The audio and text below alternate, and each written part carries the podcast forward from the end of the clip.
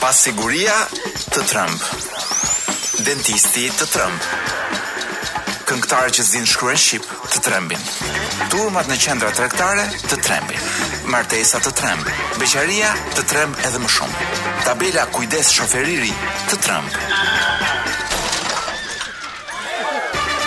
Çmimet e shtëpive të trembin, kredia të tremb.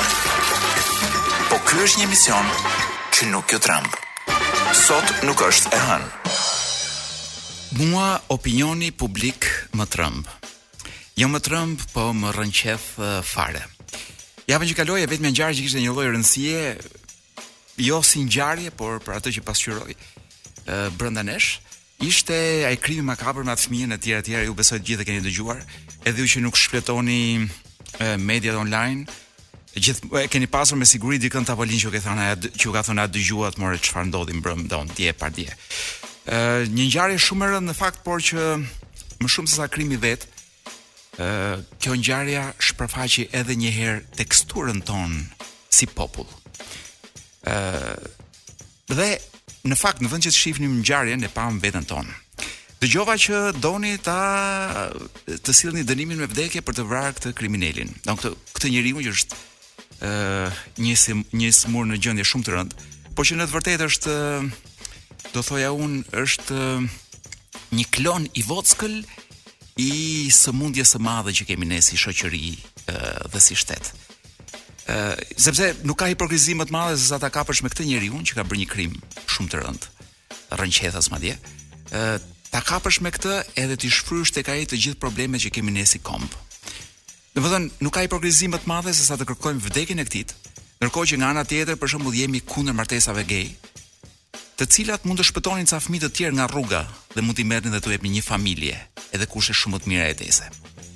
Ndërkohë që kërkojmë vrasjen dhe vdekjen e këtij personi, sepse na rrënqeth ajo që ai ka bërë ose që ne besojmë që ai ka bërë, sepse pa një vendim gjykate askush nuk është fajtor. Nga ana tjetër, nuk shqetësohemi për ata që po vrasin me qindra mijëra fëmijë të Shqipërisë. Po i vrasin me Papunësinë e prindërve, po i vrasin me dhunën ndaj prindërve, po i vrasin edhe duke i lënë në varfëri të përjetshme dhe ekstreme. Dhe nuk kam dëgjuar njeri që të ankohet për sistemin dhe të thotë që ore pse kemi mbritur në këtë pikën që Shqipëria domethënë nuk ka mundësi të sigurojë jetën e fëmijëve të vet. Pra ndërkohë që kërkojmë të vrasim këtë vrasësin, nuk na shqetëson fare që në këto 30 vjet Të gjithë bashkë kemi ndërtuar këtë lloj Shqipërie, ku jemi krejtësisht të pambrojtur nga ky person, po jo vetëm nga ky person, se ky është një i smur mendor, po jemi krejtësisht të pambrojtur nga ata që kanë trut komplet në vend dhe i bëjnë me vetëdije të plot gjithë krimet që bëjnë. Kështu që në këtë Në këtë hipokrizi të madhe nuk do doja që të merra pjesë. Kështu që unë nuk jam jo vetëm për dënimin me me me vdekje, ë sepse në qoftë se do kishte 10 njerëz për të për të varur në litar në këtë vend, në mënyrën se si e mendoj unë, ky krimineli që ka bërë atë krimin me fëmijën, nuk do ishte në këtë dhjetëshe. Ky është një i smur që ka nevojë për trajtim. Po kemi shumë njerëz të tjerë që do ishte mirë t'i kishim varur në litar. Po për këta njerëz ju nuk shqetësoheni fare. Jo vetëm kaq. Por këta njerëz dhe i votoni, madje edhe i adhuroni nga larg. Kështu që kjo gjëja, kjo gjëja me këtë siç thash ka nxjerr vetëm në pah se çfarë jemi si popull, Dhe nuk është ai burri thjesht, ai është thjesht një individ i smur në trupin e një populli të smur jo vetëm në trup, por edhe nga brenda. Kështu që nuk di ç'të them përveç se normalisht tilla raste me një notë humori mund ta përfundoj duke thënë që ju kam lënë zotin, po jo. Do ju lë Fabrizio De Andrén. Ky ishte Fabrizio De André me Don Raffaè, një këngë e cila shpjegon një marrëdhënie aspak të shëndetshme do thoja unë, ndërmjet gardianit të burgut edhe një mafiozi të mbyllur brenda. një situatë që më më çon tek lajmet e sotme, ndërkohë që hyra në studio, uh, shikoja vetëm me figurë dhe me titra uh, deklaratat e presidentit Meta, të cilat më ngjanin si copra skenari të një filmi porno sadomazo. Sepse thoshte gjëra të, të tilla për uh, kryetarin e PD-s Lul Basha, thoshte ai m'u ul në gjunjë. Pastaj thoshte Basha m'u lut me lot në sy. Tash vërtet janë të dy burra, por prapëseprapë të çon don gjithë kjo situatë e përshkruar nga uh, presidenti të çon pak uh, tek filmat me ngjyra të kuqe. Kemi hyrë në zonën e lajmeve të javës së kaluar për të parë për të parë se çfarë na ka përshkuar uh, trurin edhe mendjen gjatë atij shtatëditshi. Kemi një nga lajmet që është nga më interesantet, gjyqtarja e TikTokut quhet tashmë, del para vetingut, nuk justifikon dot pasurinë. Dhe bëhet fjalë në qoftë se nuk gaboj, ja ta kontrolloj po pikërisht është për uh, gjyqtaren e pezulluar të Elbasanit, e cila na mahniti të gjithë me format e veta dhe me stilin dhe me sharmin e vet në pasarel. Edhe, do të se si mundet njeriu që edhe në Elbasan ë të harrojë realitetin dhe të krijojë pasarelën, pra vetëm njerëz me një lloj talenti mund ta bëjmë, mund ta bëjnë, ë ose mund ta bëjmë. Dhe tashmë ka dalë përpara vetingut thuhet që nuk justifikon dot pasurinë dhe më duhet të them që po ta gjykojmë nga videot e TikTokut, ajo nuk ka asgjë për të justifikuar. Dhe për të qenë i sinqertë, në qoftë se këta do lodheshin për të justifikuar pasuritë, këta të TikTokut them, apo të pasarelave, atëherë do merreshin me punë më normale, nuk do merreshin me TikTok. Lajm tjetër, KQZ-ja ka marrë një vendim të rëndë, të fortë, që mund të ndryshojë historinë e Shqipërisë një herë përgjithmonë. Ka thënë që Bashkia e Tiranës përdori asetet publike për fushatën e PS-së. Dhe ju, pra, ju, ju të opozitës me siguri po thoni, a, më në fund. Më në fund të dalë e vërteta sheshit dhe gjeni se çfarë asetesh ka shfrytëzuar Bashkia e Tiranës. Qoftë se ju po mendoni që bëhet fjalë për shpërndarje fondesh të tërmetit ose për legalizime ose për ku di unë dhënie, nuk e di se çfarë benefitesh, jo. Bëhet fjalë për një bibliotekë. Ku ka, ku kanë bërë një foto? Pra një grup njerëzish nga fushata e PS-së që kanë bërë një foto në një bibliotekë që është pronë e bashkisë dhe e administruar nga bashkia, Dhe ky është shkel, kjo është shkelja më e madhe që sipas KQZ-së, paska bërë Bashkia e Tiranës për zgjedhje. Ka bërë një foto 10 metra brenda territorit të palejuar. Mund ta kishin bërë jashtë eh, bibliotekës, s'do kish ndodhur asgjë. Por mjafton që të bëhet 10 eh, metra brenda bibliotekës dhe KQZ-ja të vë litarin në fyt. Kjo është KQZ-ja që do i duhet sidomos Trumpit për zgjedhje. Ë Basha paska thënë Basha këtu i referohemi kryetarit të PD-së. Më shumë vlen letra e banjos se sa kodi etik në parlament. Dhe ky më duket një denoncim i fortë. Dhe përveç faktit që ë me siguri Basha këtu ka informacione nga Interpoli dhe, dhe nga agjenci të tjera ë informacioni, Por megjithatë tregon që ka njohuri të thella edhe për produkte të përdorimit të ne njerëzve të zakonshëm dhe që bëhet fjalë për letrën e banjos. Sepse kam dëgjuar që këta elita jonë nuk përdor më letër banje. Se çfarë përdor nuk jua them dot, por është një gjë që është ilegale në këtë vend. Pra grushti në kuvend. Oh, por pata një emocion. Domethënë, sepse unë po lexoj për herë të parë gjithë këto lajme, meqenëse m'i përgatit kolegu im Florenc Zerellari. Ë pra grushti në kuvend mendova që ka pasur një grusht shteti edhe më kapën ca mornica. Jo, qenka një grusht, jo grusht, ky është dueli i titanëve. Salianji dhe Braçja paskan tentuar të zihen. Në këtë rast mendoj që Salianji mund të kishte shkuar disa herë huq, duke pasur parasysh dhe lartësinë e prezumuar nga e prezumuar edhe e parashtruar dhe e e vënë në lojë vazhdimisht nga kryeministri të Braçës, por më vjen mirë që pas sherrit Salianji paska thënë dhe gjëra të tjera të tipit Do ha një minutë ose 30 sekonda nga reklamat për t'ju thënë të plotë se ç'ka thënë Salianji. Ëm ka thënë jam duke folur pyetja ishte nuk e di nuk e di pse të djeg kaq shumë ka folur për mbas situatës së grushit ka folur për Braçen.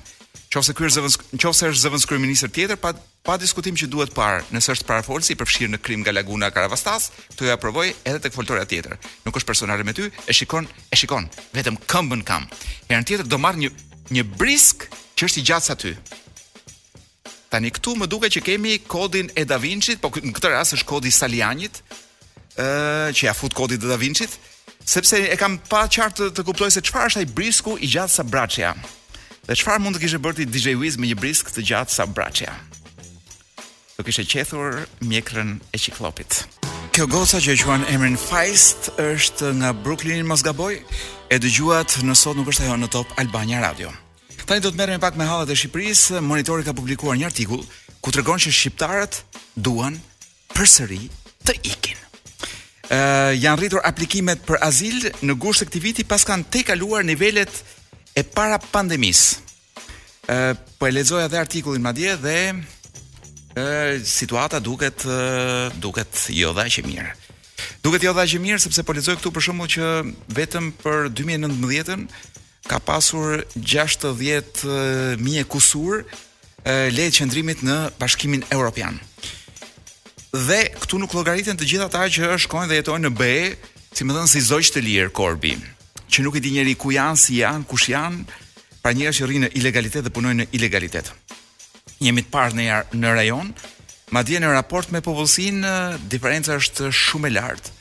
Ë jemi 25% e popullsisë shqiptare që tashmë që në këto 20 vitet e fundit ka ikur dhe punon në një nga vendet e Bashkimit Evropian. Kosova është pas nesh dhe një vend si Bosnja Hercegovina, një vend me luftra, me urrejtje etnike, me spastrim etnik etj etj, është më pak se gjysma jonë, 10.3% boshnjakët.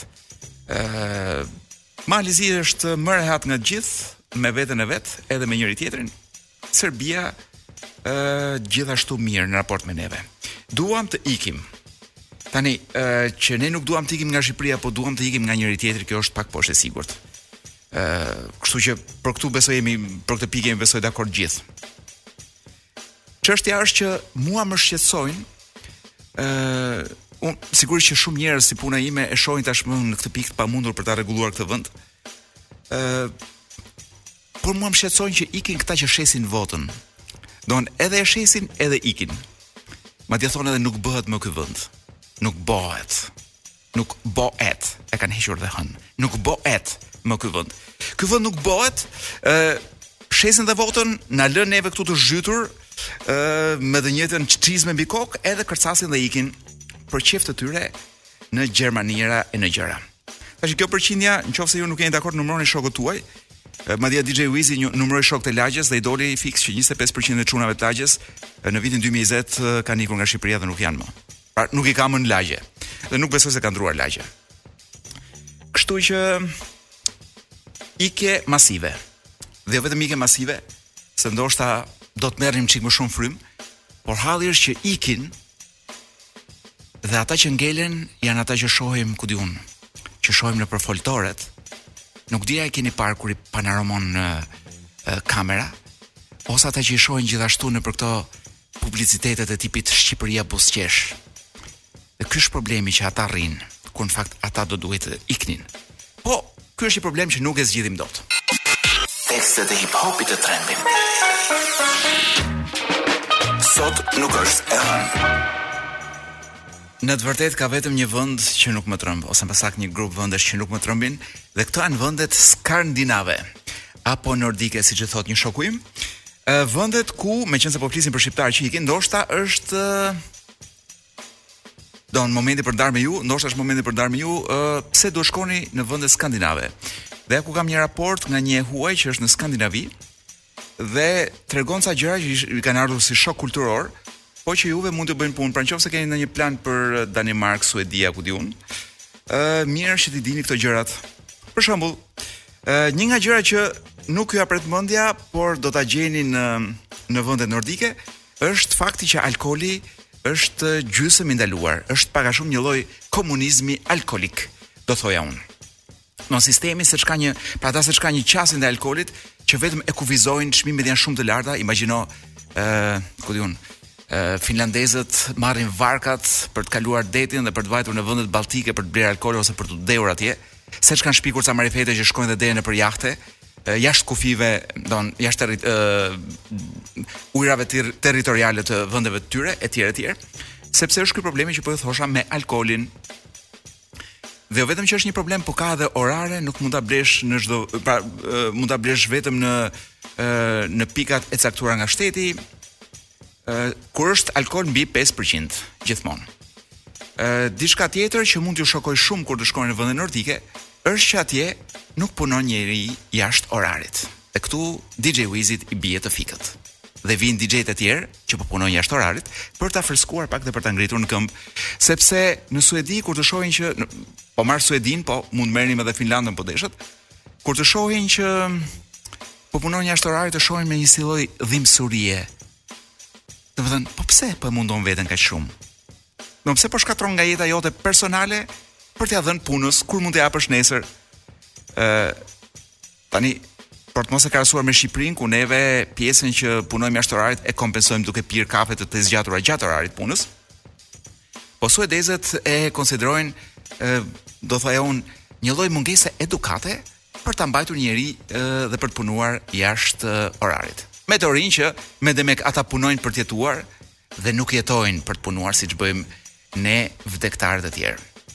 Pastaj kanë ca gjëra të vogla të tipit që vishen gjithë me Birkenstocks, ë, uh, ku di unë nga nga 10 palë nëpër shtëpia, Po nuk vesh me Birkenstock, nuk je nuk je fare uh, skandinav. Ndërkohë që kanë edhe një lloj droge, është diçka ndërmjet duhanit, hashashit, drograve, është diçka që siç po lexoj këtu, e quajnë si e quajnë, se ç'i kanë vënë një emër këtu një si biçim snus. Është një lloj, është një lloj duhani, po që vjen më shumë tek drogat, të cilën e vë pak e fut pak në gojë edhe zëre se ke pirë nja 6-7 cigare bar njëkohësisht. Ëh dhe çfarë ka tjetër që ju do ta dini për Skandinavinë? Ah. Nuk ka tym. Pra ti nuk kalon po themi tek 21-shi, edhe ke thithur bloz sikur të kishe punuar në minierë 10 vjet. Nuk ka tym sepse gjeje se ç'bëjnë këta skandinavët e poshtër. I japin mjeteve elektrike. Skutera elektrikë, Biçikleta elektrike dikush ka marrë një grua elektrike dhe e mban gruan në kurriz e të tjera të tjera. Pra gjë e, e vibrator elektrik sepse ne në Shqipëri edhe vibratorët i kemi me benzinë. Ë para 5-6 vjetësh muzika ishte kaq e rëndësishme sa që një klient goditi, nuk e di se me çfarë me me gotë, me shishe, ë me thikë, ë një barist sepse ndërroi muzikën. Deri atëherë po luheshin Black Sabbath dhe baristi vendosi që ishte kohë krishtlindjesh dhe ndroi muzikën. Edhe hëngri një shishe kokës. Në radio jemi në atmosferë krishtlindjesh dhe është momenti i këngës që nuk ndrohet. Kemi këngën e Radiohead Knives Out. Është një këngë që ndoshta goditjen e parë mund t'ua ketë bërë për faktin që regjinë e videoklipit e ka bërë Michel Gondry. Është një videoklip ë uh, si pjesa më e madhe e produkteve të Gondris është uh, shumë surreal. Por uh, gati gati duket si gazmor, por unë mendoj që brenda videoklipit në vetvete ka një një lloj depresioni shumë të madh.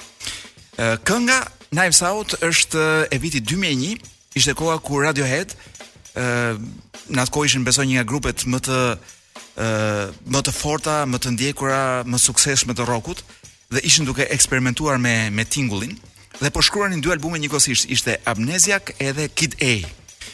Ë po shkruanin dy albume njëkohësisht dhe te njëri nga albumet shkruajtën këtë këngë, e cila po t'i besosh njërit prej muzikantëve, kitaristit të grupit Ed O'Brien, u ka marrë të paktën 400 ditë për ta shkruar.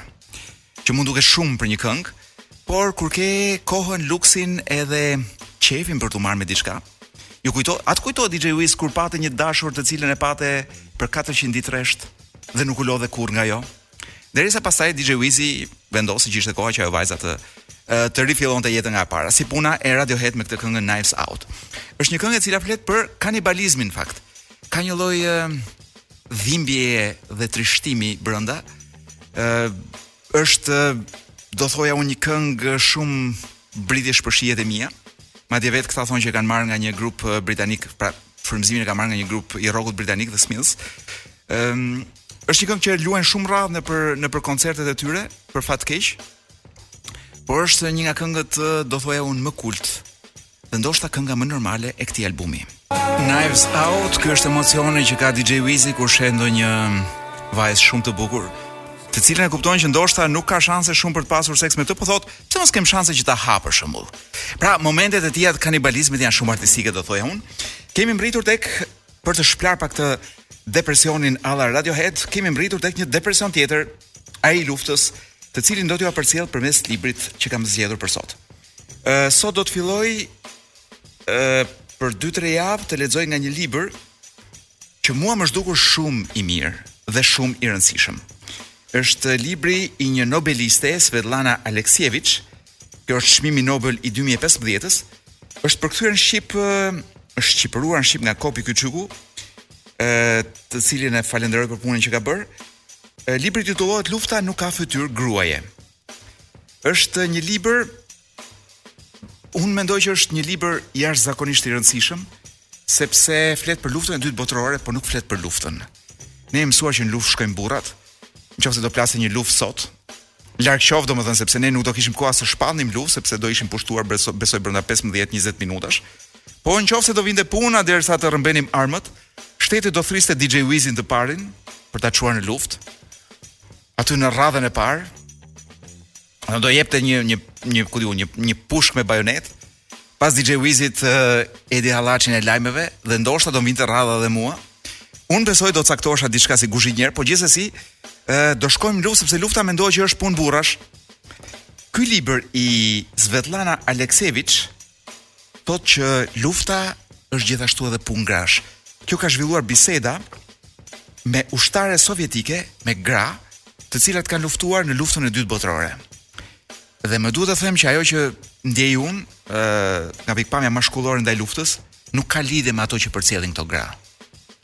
Sepse lufta e parë me syrin e një gruaje ka komplet, domethënë ka komplet prizëm tjetër, këndvështrim tjetër, ngjyrë tjetër. Titulli i librit Lufta nuk ka fytyrë gruaje është një botim relativisht relativisht i vonë. Ë më duket se është shkruar në 2008-2009 dhe është përkthyer në shqip nga shtëpia botuese kosovare Buzuku. Ë, po e shfletoj ku të mundem, sepse kudo që e shfleton ke rrëfime rrënqethëse grash. Ë, ja ku e hapa këtu faqe 190. Ë, çfarë kemi këtu? Ol Olga Vasili Vasilievna. Ë, flet për ë, gazetaren. Dhe rrëfen çfarë ka çfarë mban mend çfarë ka parë gjatë luftës Olga Olga Në rast se burrat shihnin një femër në vijën e parë, fytyrat e tyre ndryshoheshin. Mjaftonte dëgjimi i një zëri femëror dhe ata transformoheshin krejt. Një natë zura vend jashtë kolibes time dhe fillova të këndoja me zë të ulët. Mendoja se të gjithë po flinin, që askush nuk më dëgjonte, por në mëngjes komandanti më tha: "Nuk po flinim. Kemi kaq mall për zemra për zëra femrash." Jam duke mjekuar një tankist. Jemi në valën e luftimeve në mes të rrëmujës. Ai më pyet. Zonjushë, si e keni emrin? Madje më bën edhe një lavdrim. M'u duk e çuditshme të përmendja emrin tim në mes asaj katrahure e të atij tmerri. Olja, i thashë. Përpiqesha vazhdimisht të ruaja një veshje korrekte, një siluetë të harmonishme, dhe më thonin shpesh, o zot mos më thuaj që ishe në betejë, ti je kaq e pastër. Kisha shumë frikë.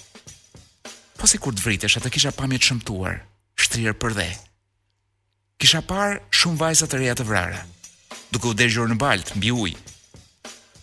Më në fund, si të shprehem, nuk dëshiroja të vdisja ashtu. Rastiste të shtrihesha në strehim kur isha e larguar nga armiku, por më shumë sesa shmangien e vrasjes, mendoja për të mbrojtur fytyrën, duart e mia. Besoj se gjithë vajzat tona ishin të shqetësuara për këtë.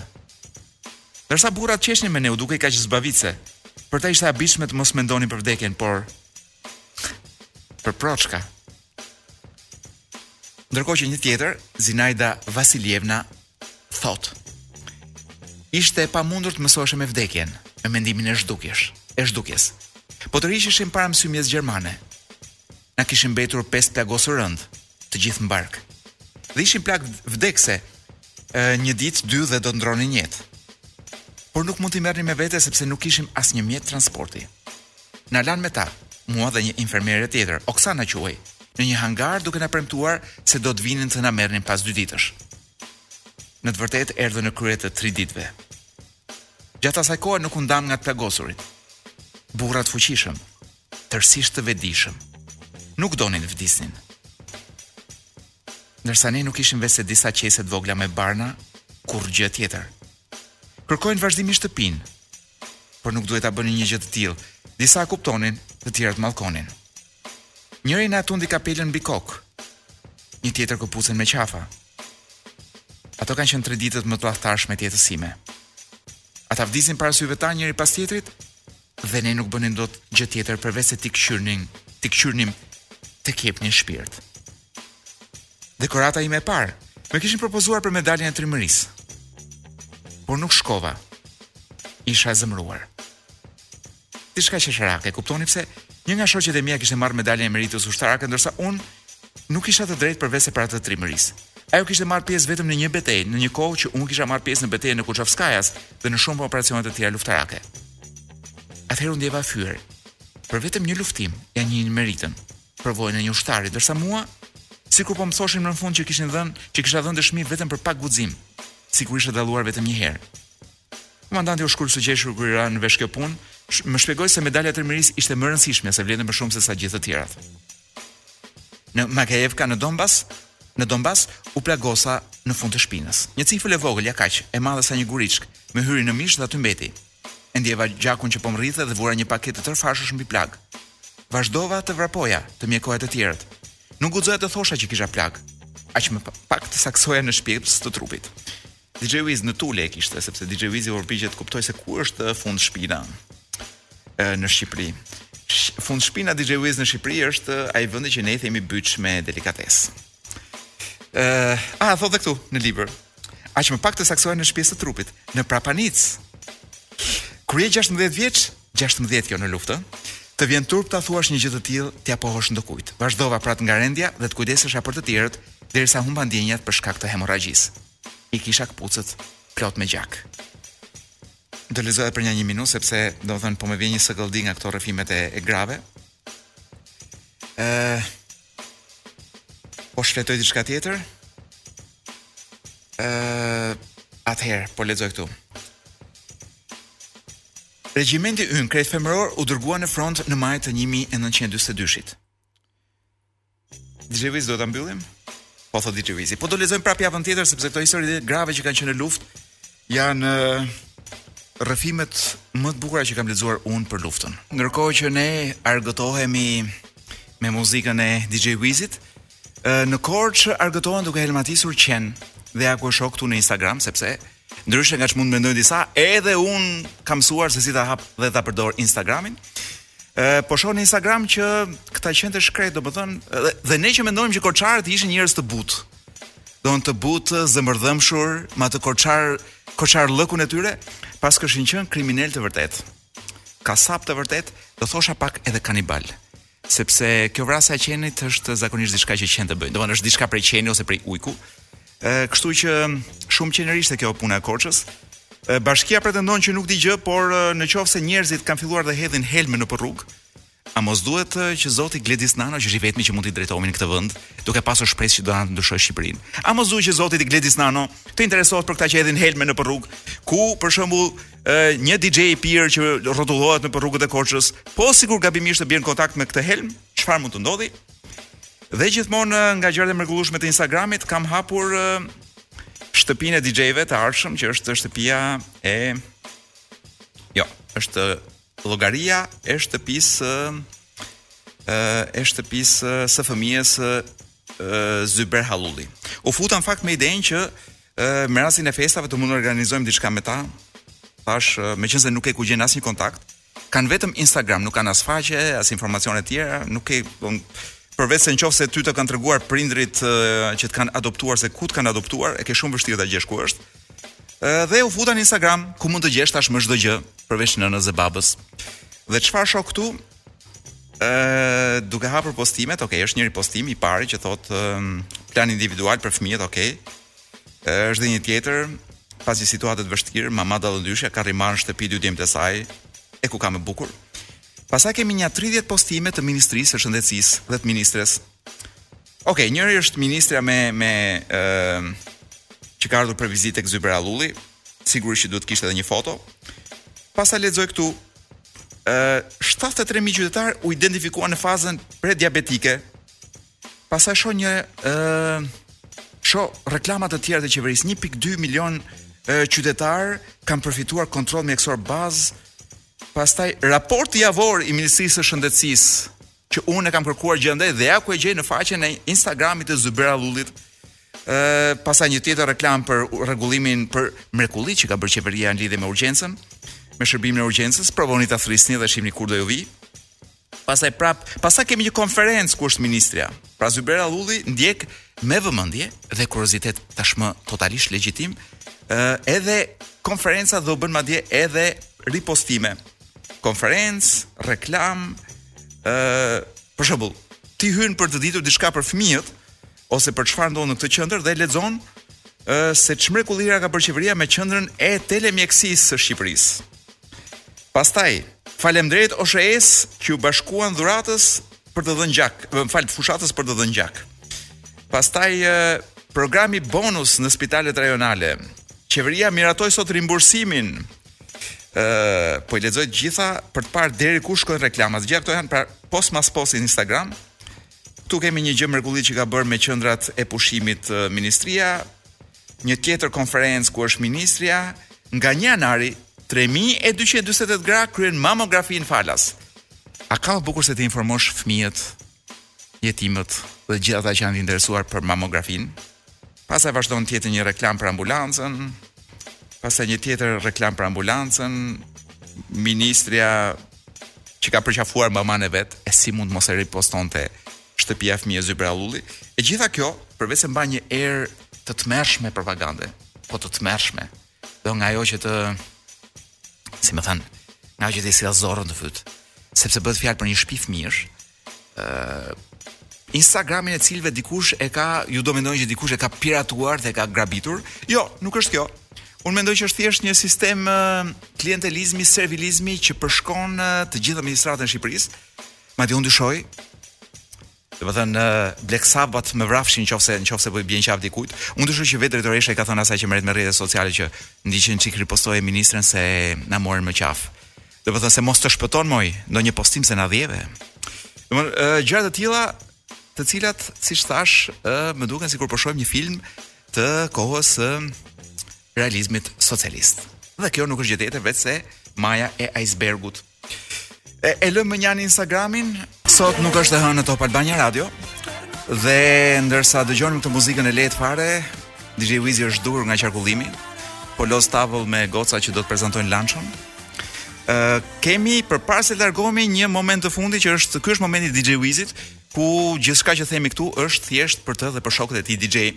DJ Wiz, sot ke mundësi të zgjedhësh Preferon të flasim për për mitet e pornografisë apo për atë fenomenin atë trendin e ri seksual që quhet hot wife. Opa, Umpi nuk di të vendos të, të dyja i duken do hot wife. Puna që nuk di si ta përkthej në shqip, duhet të mendohem ose ndoshta ndoshta duhet të marrim telefon Tupen ta pyesim. si ta përkthejmë këtë këtë hot wife në shqip, ë sepse është një trend nga më interesantët. Pse do thoni ju? Është një trend që do i shkonte shumë Shqipërisë, sikur burrat shqiptarë të kishin, si më thënë, guximin që ta bënin ose të merrnin pjesë. Është një trend që ka të bëjë me gratë, të cilat kanë lidhje të shumëfishta dashurie, por me lejen e burrit. Pra këto gra kanë, le të themi një një tepri seksualiteti me të cilin për të cilën kanë rënë dakord me burrin që këto ta harxhojnë me meshkujt e tjerë. Por gjithmonë duke rënë dakord që bashkëshorti i tyre është njeriu i jetës së tyre, është gjysma e mollës, kur thoshte ë Berta Liaj, ë si më thënë është gjëja më e mirë që ka ndodhur që u ka ndodhur në jetë, me të bëjnë seksin më të mirë në jetë. por kanë marr leje ose më saktë kanë krijuar mirëkuptimin që këto të kenë eksperienca të tjera me burra të tjerë për të cilët bashkëshorti është gjithmonë në dijeni. Dhe kjo eliminon të gjithë këto adulterët, tradhtiçkat dhe gjithë gjërat që ndodhin nëpër çifte shqiptare. Dhe un kam vënë re që ka dhe filma të cilat rrotullohen edhe seriale madje që rrotullohen rreth kësaj teme, Por me sa kam kuptuar nuk e kanë mbërthyer siç duhet fenomenin. Dhe ja ku kam përpara një artikull të gjatë të shkruar nga një trajnere DJ Wiz, sepse u dashka trajnim për këtë punë. Pra ka zonja, të cilat janë gati të trajnojnë zonja të tjera se si të jenë se si të kenë më shumë se sa një burr me mirëkuptimin e burrit. Dhe e gjithë gjithë ky proces quhet pra gjithë ky fenomen quhet hot wife. Është një lloj marrëdhënie jo tradicionale. Pra ti nuk është se ke një ë familje monogame në këtë rast, ke një familje ku vetëm burri është monogam, gruaja nuk është fare monogame. Ë nuk është poliamorozitet sepse tha, siç thashë vetëm gruaja bën nga këto gjërat me lejen e burrit. Ë pra ka një martesë të hapur, por vetëm për veten e saj. ë uh, hot wifing, si me thënë, është gjithë kjo gjë që ndodh. Ë uh, dhe gjëja më e bukur është që jo të gjitha uh, gratë uh, që kanë këtë lloj këtë lloj marrëdhënie me burrin e tyre janë supermodele. Të jemi sinqertë DJ Wiz. Ë pra çdo grua mund ta bëjë këtë, pra nuk është e thënë të jesh si Sofia Vergara për ta për të qenë një hot wife, pavarësisht termit, sepse është një term që aplikohet tek çdo grua, mjafton të ketë bashkëpunimin e bashkëshortit, sepse quhet hot wife, meqë bashkëshorti vet mendon që gruaja e vet është shumë e mirë për të ndënjur me një burrë të vetëm. Dhe siç thashë, ka ca tepri ca e, erotike me të cilat ajo tërheq burra të tjerë dhe DJ Wiz nuk e prisja që të ishe kaq tradicional. DJ Wizi po më pret fjalën, nuk po do, materiali është shumë i gjatë dhe mund ta rimarrim javën që vjen, por nuk e prisja nga DJ Wizi që të priste, si me thënë, na ndalonte të përhapnim dritën e diturisë të botës bashkëkohore. Do të largohemi, ne rikthehemi mbas një jave në Top Albania Radio.